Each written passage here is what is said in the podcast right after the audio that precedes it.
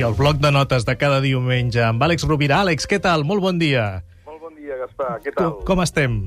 Doncs molt bé, content de poder estar aquí com cada diumenge al matí i amb ganes de compartir un parell d'aforismes molt breus que he trobat aquesta setmana llegint diferents biografies de Gandhi i que tots dos em semblen que els podem enllaçar en una sola reflexió amb dues parts i que són una provocació molt amable eh, per l'ofici de viure, per al saber viure bé. El primer diu que la força no neix de les capacitats físiques, deia Gandhi. La força no neix de les capacitats físiques. Neix d'una voluntat invencible, deia sovint en els seus discursos. D'alguna manera subratllava la idea de que, de que certament a la vida fa més el que vol que el que pot molt sovint, no? I que moltes vegades podem tenir grans dons de naixement, podem estar amb un don natural de força física o d'intel·ligència o de, de qualsevol capacitat, però el que ens venia a dir el nostre Gandhi era que, que el que ens fa transformar la vida és una voluntat invencible. I lligant-ho amb un altre aforisme, Gaspar, Sí, endavant.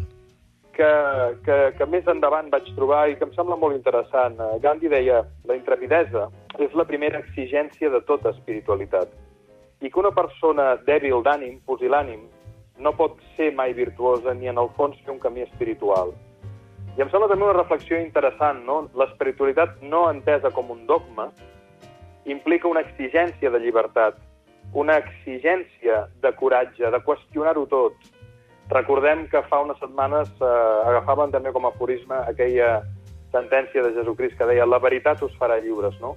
Conviure amb la veritat, mirar la vida als ulls, qüestionar-ho tot des de la serenitat, eh, buscar una manera de viure no referenciada, sense gurús, sense asimetries, sense dependències, trobar el mestre interior a partir de fer la pròpia travessia del desert les vegades que calgui, és la veritable espiritualitat, probablement.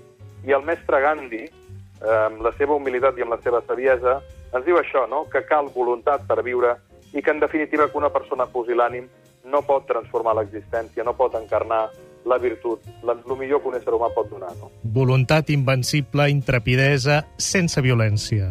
Sí, senyor. Sense violència. Deter determinació, combativitat, però mai agressivitat.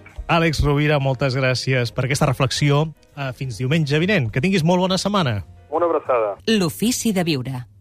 Un programa sobre conducta humana.